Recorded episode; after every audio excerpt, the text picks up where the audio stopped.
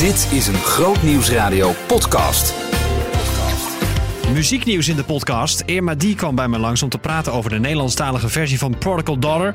Martijn Buwalda vertelde aan Lucas over zijn tour Recht op Mens. Maar ook ander nieuws, bijvoorbeeld uit Sudan. Daar is president Bashir afgezet en dat bespreek ik met Eunice. Groot Nieuwsradio podcast. Met Maurits Reinoud. Als je een artiest uitnodigt om te komen praten over eh, een nieuwe CD of uh, gewoon muzieknieuws, een single, whatever, dan uh, kan het gebeuren dat die artiest een band meeneemt of een manager of wat dan ook. Maar dat gebeurde niet bij Irma Die. Irma Die nam haar dochtertje mee. En haar dochtertje is, zat in de draagzak. En we dachten allebei, nou, dat moet wel goed komen. Maar dat kun je wel denken. Maar of het ook gebeurt? Goedemiddag. Ja, en je hebt iemand bij je. Ja. Wie is dat? Een heel klein leuk meisje. Dat is mijn dochtertje, Nora Lou. Maar die, maar die zegt niks, hè? Ze is wel heel stil. Ja, ik denk dat ze een beetje onder de indruk is van alle lichtjes hier. Oh ja. Zij kent jouw stem natuurlijk, van de radio. Nou hoor ik nou, wat. kijk eens. En dan, en dan denk je dus dat het daarbij blijft, weet je. Dan denk je, oh, er komt eventjes geluid uit, maar ondertussen. Ja, ik denk dat dit nummer wel het uh, heel erg allesomvattend is wat ik uh, de afgelopen jaren... Nou joh, ze gaat helemaal Dit is heel grappig. hier. Ja, dit is hier toch hilarisch. Is het helemaal stil, heel lang. En dan beginnen we dat interview Ja, en dan... eh, echt. Nou, ik zou iets meer wiebelen. En tot aan het einde van het interview bleef dat gewoon doorgaan. Het was ontzettend moeilijk voor ons, eh, voor Irma en voor mij, om eh, ons te kunnen concentreren. Nou ja, Nora die vond ook, dat eh, moesten Ja. we maar niet gaan doen. Nee, precies. Ik ben heel blij dat je even zo meepraat, eh, Nora. Jij zei net nog, misschien dat ze nog iets gaat zeggen. Ja. Dat zou leuk zijn. Ja, nou, nou, ze eh, praat gewoon rustig mee. Ja, en zo kan het dus ook gaan eh, met een interview. Als je meer wilt weten over eh, de CD-presentatie van Irma Die eh, op 3 mei in de Basiliek, ga dan even naar haar website irmadie.nl. Groot Nieuwsradio podcast. Met Maurits Reinoud. En ander muzieknieuws kwam van eh, Martijn Buwalda deze week, ook in backstage bij Lucas Kramer. Dit najaar gaat Martijn Buwalda opnieuw het theater in met een nieuwe voorstelling. De titel is Recht op Mens. En gisteren zijn alle plekken bekendgemaakt waar Martijn gaat optreden. En ik heb hem aan de telefoon. Martijn Buwalda, goedemiddag. Hey, goedemiddag Lucas. Hoi. Ja, je gaat opnieuw het theater in. 20 voorstellingen staan Ja. op het eh, programma. Ja. Is er een bepaald theater waar je heel graag naartoe gaat? Poeh. eh, nou, ik vind het wel eens speciaal. We spelen weer in de, in de Leidse Schouwburg. Oké. En dat is de oudste schouwburg van het land.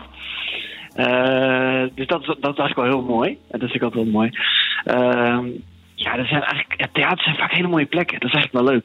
Dus eh, ik vind Leiden heel leuk. En we gaan voor het eerst eh, sinds heel lange tijd het ons gelukt om, in, om in Groningen te spelen. Oh, oké.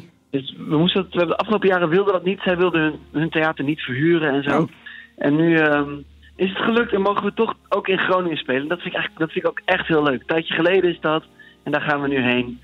Ehm, ja, ik heb eigenlijk zin in alle voorstellingen. Ja, ja, uiteraard. maar dat eh, Uiteraard. is anders. Nou, Ja. Ook goed nieuws voor eh, de Noorderlingen eh, onder de luisteraars van Groot Nieuws Radio. Ehm, het, het, ja, het programma gaat Recht op Mens heten. Waarom Mhm. die titel? Nou, dat, zo'n titel ontstaat door heel lang kouwen op een onderwerp.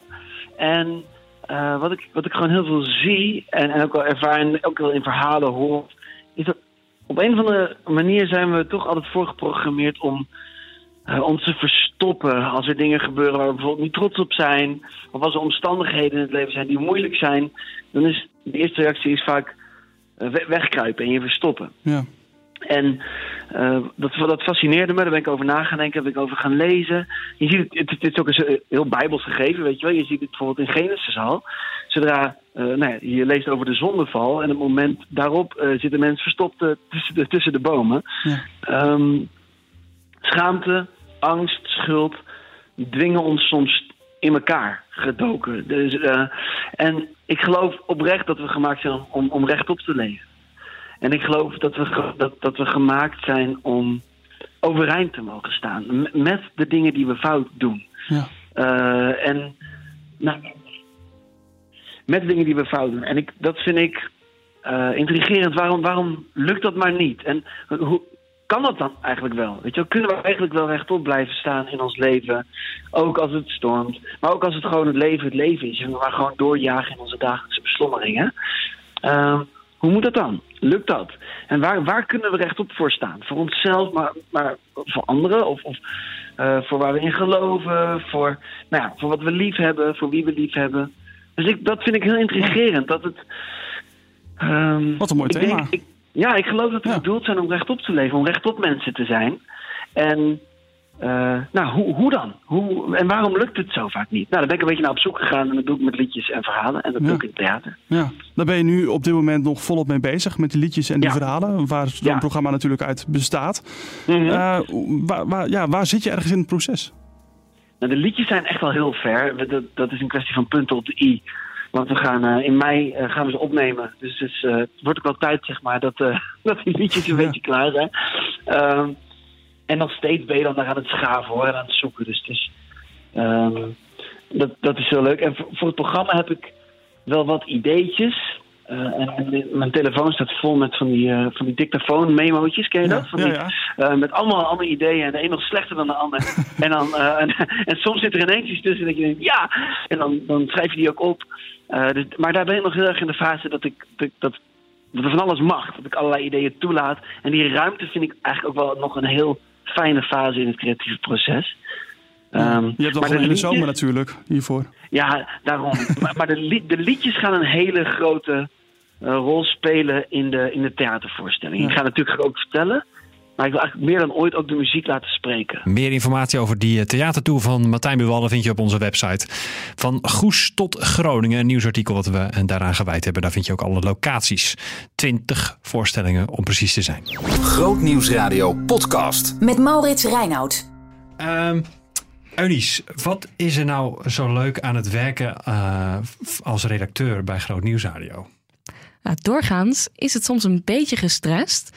Maar op het moment dat dan eh, het nieuws van de Teletext 101-pagina en jouw telefoontje wat je net gedaan hebt, die twee komen bij elkaar. Ja. Ja, dan maakt die stress eventjes juist helemaal niks meer uit. Maar denk je, ja, dit moeten we doen. En dit gaat zo meteen op de zender. En ik ben hier zo blij mee. Ja. Zoals deze week. Ja, we hadden nieuws natuurlijk uit Sudan. Ehm, er zijn behoorlijk wat brandhaarden in de wereld. En ik vind het soms ook lastig om nou precies te bedenken welk land is ook alweer wat aan de hand. Maar Sudan valt deze week echt op. Daar is het eh, volk aan het protesteren tegen de president. En zij hebben nu het leger achter zich staan. Ja. Eh, Bashir die is afgezet door een, eh, een staatsgreep.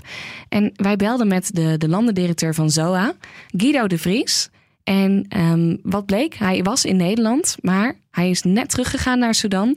Kwam Precies op dat moment. Ja, echt precies. Want hij hoorde eh, dat er iets aan de hand was. Ja. En hij dacht, ik moet terug. Dus hij komt aan op het vliegveld. Net daarna ging het vliegveld dicht. Hij kon precies vertellen hoe het er daar op dat moment uitziet. En ik dacht, ja, dit is geweldig. En hij vertelt dus ook waarom hij nou precies op dat moment terug wilde naar Sudan. Nou, ik was in Nederland voor vergaderingen en hij hield de situatie per, eh, per mail, per telefoon, per WhatsApp in de gaten. Maar toen we zagen dat het escaleerde, dat de spanningen toenamen, heb ik besloten om terug te gaan. Om support te geven aan de staf.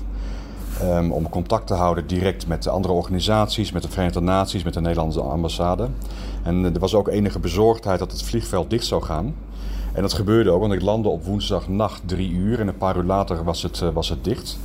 Ehm, ja, en tevens, hè, ik, ik woon hier, mijn gezin woont hier, mijn vrouw heeft hier ook haar werk, de kinderen gaan naar school. Dus ja, het was gewoon beter voor, voor, alle, voor alle betrokkenen en ook voor, eh, voor ZOA om, om terug te gaan naar, eh naar Soudaan. Ja, het is super mooi om, eh, om dat meteen te hebben dus. Ook dat er dan iemand is eh, die nou, lekker in ons netwerk zit van Groot Nieuwsradio, die we dan kunnen spreken.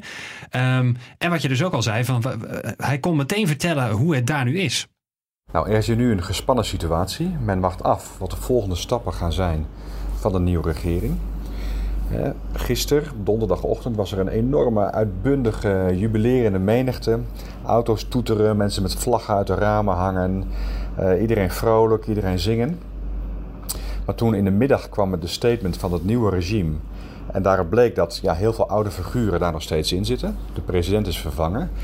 Ehm, maar de rest zit er eigenlijk nog steeds. En dat is niet wat de, de, de protesters willen. Die willen echt een nieuwe regering met nieuwe mensen die niets te maken hebben met het oude regime. Ehm, tevens heeft de nieuwe regering een avondklok ingesteld, dus iedereen zou van de straat af moeten zijn. Maar de protestanten, alle honderdduizenden, en sommigen zeggen meer dan, meer dan een miljoen, die zijn nog steeds voor de Army Headquarters aan het demonstreren. En die hebben gezegd, we gaan niet weg voordat er echt een nieuwe regering met, met nieuwe, nieuwe mensen die het land er bovenop kunnen helpen eh, is. Dus dat is niet het geval. Dus iedereen ja, wacht gespannen af. Kijk, de protesters hebben ook gekeken wat er in Algerije is gebeurd. Daar het hoop uitgeput. Um, en in die zin willen zij, willen zij doorgaan om verandering te bewerkstelligen. Want de economie is heel slecht. Mensen kunnen uh, geen geld uit de pinautomaten krijgen. Zijn lange rijen voor de bakkerijen. En het gaat al maanden zo. Het openbare leven verder ligt, ja, ligt plat. Uh, vandaag zijn wel de winkels weer open. Uh, van de, vanmorgen zijn we nog even in de buurt uh, boodschappen wezen doen. Nou, dat, dat was redelijk, uh, redelijk operationeel allemaal. Ook het openbaar vervoer is in sommige gedeeltes op gang. Um, en dat is anders dan gisteren. Toen lag eigenlijk alles, alles plat. Dus het is nu heel erg afwachten van wat, uh, wat de nieuwe regering gaat doen. En ook wat, uh, hoe de internationale gemeenschap gaat reageren. Gaan die steun uitspreken voor het, voor het nieuwe regime? Of gaan die meer hervormingen eisen en zich achter de protesters uh, scharen? Dus het is afwachten voor ons. Nou, al maanden is natuurlijk de bevolking in Sudan aan het protesteren. Er is daar heel veel onvrede, er is voedseltekort, uh, winkels zitten al langer dicht. Mensen zijn ontevreden daarover, logisch. Mm -hmm. En dan zit je daar als hulpverleningsorganisatie. Dus wij vroegen hem, wat kan ZOA dan tot op dit moment nog wel voor de mensen betekenen? De protesten die concentreren zich in Khartoum en in iets mindere mate in de omringende steden. ZOA heeft geen eigen projecten in Khartoum. Wij werken in de Darfur-regio al sinds 2004 met wederopbouw, met vredesprojecten, landbouwprojecten.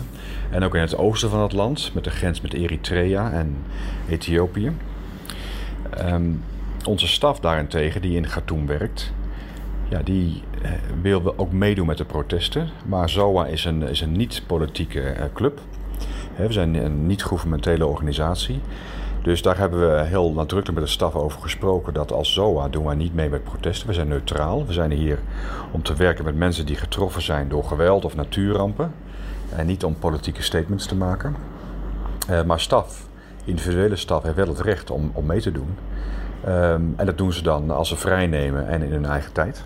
Ja, het lijkt mij dus, het lijkt mij dus zo uh, bizar dat je dan als een, uh, sowieso dat je in Nederland bent, dat je op het laatste moment op het vliegtuig stapt om daarheen te gaan, maar dat je dan ook midden in een brandhaard zit. En sterker nog, hij zit daar met zijn gezin. En het lijkt me ook wel een beetje, ja, ik weet niet hoe jij daarover nadenkt, maar het lijkt mij ook een beetje eng om daar te zijn op zo'n moment. En uh, ik vraag me ook af, hoe veilig ben je dan in zo'n situatie? Nou, wat mij opviel, en dat vertelde hij mij in een voorgesprek, dat hebben we dan uiteindelijk niet in, op de zender gehoord.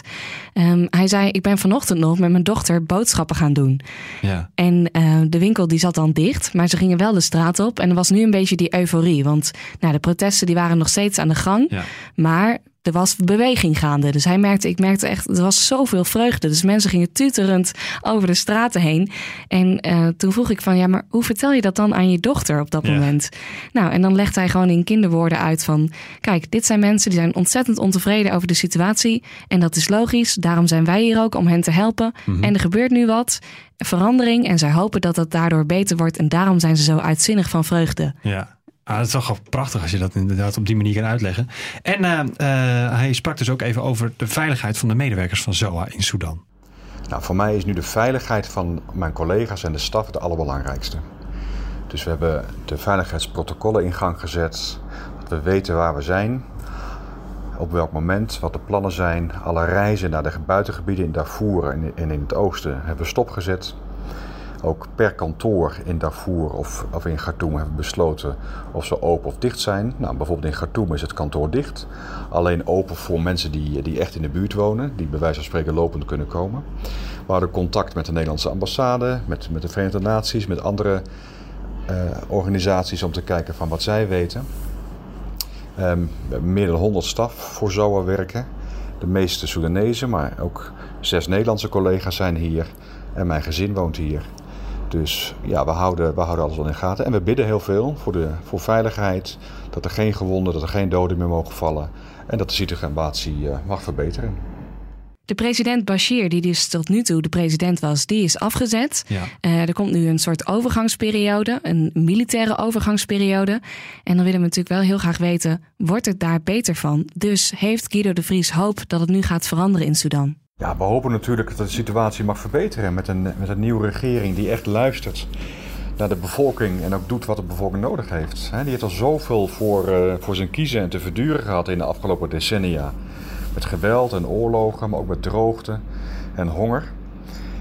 Er is een ontzettend veel veerkracht en ook wil om te verbeteren. En de mogelijkheden zijn er ook om te verbeteren. En als het mag, dan zou ik ook aan de luisteraars willen vragen om voor dit prachtige land en, en haar bewoners eh, te bidden. Ik vind het dus heel leuk. Hè, dat, wat het, het is nieuws en nieuws is vaak niet leuk. Het is vaak negatief nieuws. En het gekke vind ik dat als journalisten eh, nieuws zien of nieuws ruiken, of zo, dat ze dan heel gedreven en enthousiast worden. Dat is die rare tegenstelling eigenlijk. Hè? Dat Ja. je, dat je, dat je, je- want wij raken er enthousiast van. Ik bedoel, het staat op teletext en we kunnen daar meteen wat mee. We hebben iemand met boots on the ground, bij wijze van spreken. We kunnen meteen ehm, het nieuws volgen en het hebben op de zender, weet je wel. Dat, Ja. dat is toch apart. eh, En een journalist is eigenlijk een gek type rampje, ramptoerist, denk ja, ik wel eens. wel, ja. Maar wat dan het mooie is, is dat je, ehm, je, je, gaat er, je gaat er aan van, want je denkt, nu Ja. doet het er echt toe. En dit komt dan precies bij elkaar. Ik kan achtergrondinformatie geven en er gebeurt iets. Tuurlijk Ja. ben ik zelf ook onderdeel van die excitement van... we doen iets wat echt op dit moment overal te lezen en te horen is. Ja. Maar toch ook dat je dan wat verdieping kan geven. En ehm, in ons geval als groot nieuws, wat ik dan helemaal gaaf vind... is dat deze Guido de Vries ook een oproep doet van... jongens, bid voor ons, zoals wij ook voor ons land bidden. Ja. Ja. dat komt er dan ook nog eens een keer bij. Ja, dan werk je eigenlijk misschien wel bij het mooiste radiostation van Nederland. Eh, dat kan ik wel beamen, denk ik. Komende week op Groot Nieuws Radio. Volgende week op... Oh, ben je nou nog niet klaar met die podcast? Marine, ik probeer hier even een, eh, een podcast het duurt altijd zo gruwelijk lang met jou. Nou, kom even binnen dan. Eh, want eh, jij wil de studio gebruiken. Altijd. Nou, moet jij even wel Weet je wat dat, hoe dat namelijk gaat? Wij maken een programma. Ja. En dan moeten we, ik weet niet of je dat woord kent, voorbereiden.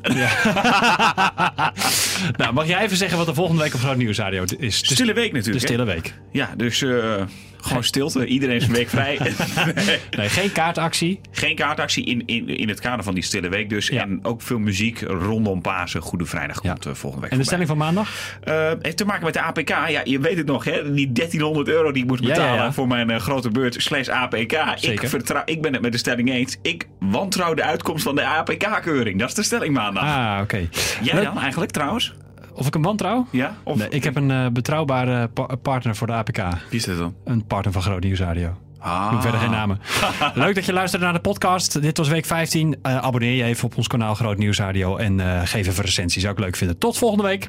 Ontdek de nieuwste christelijke muziek. You're with me day and night. You never leave my side.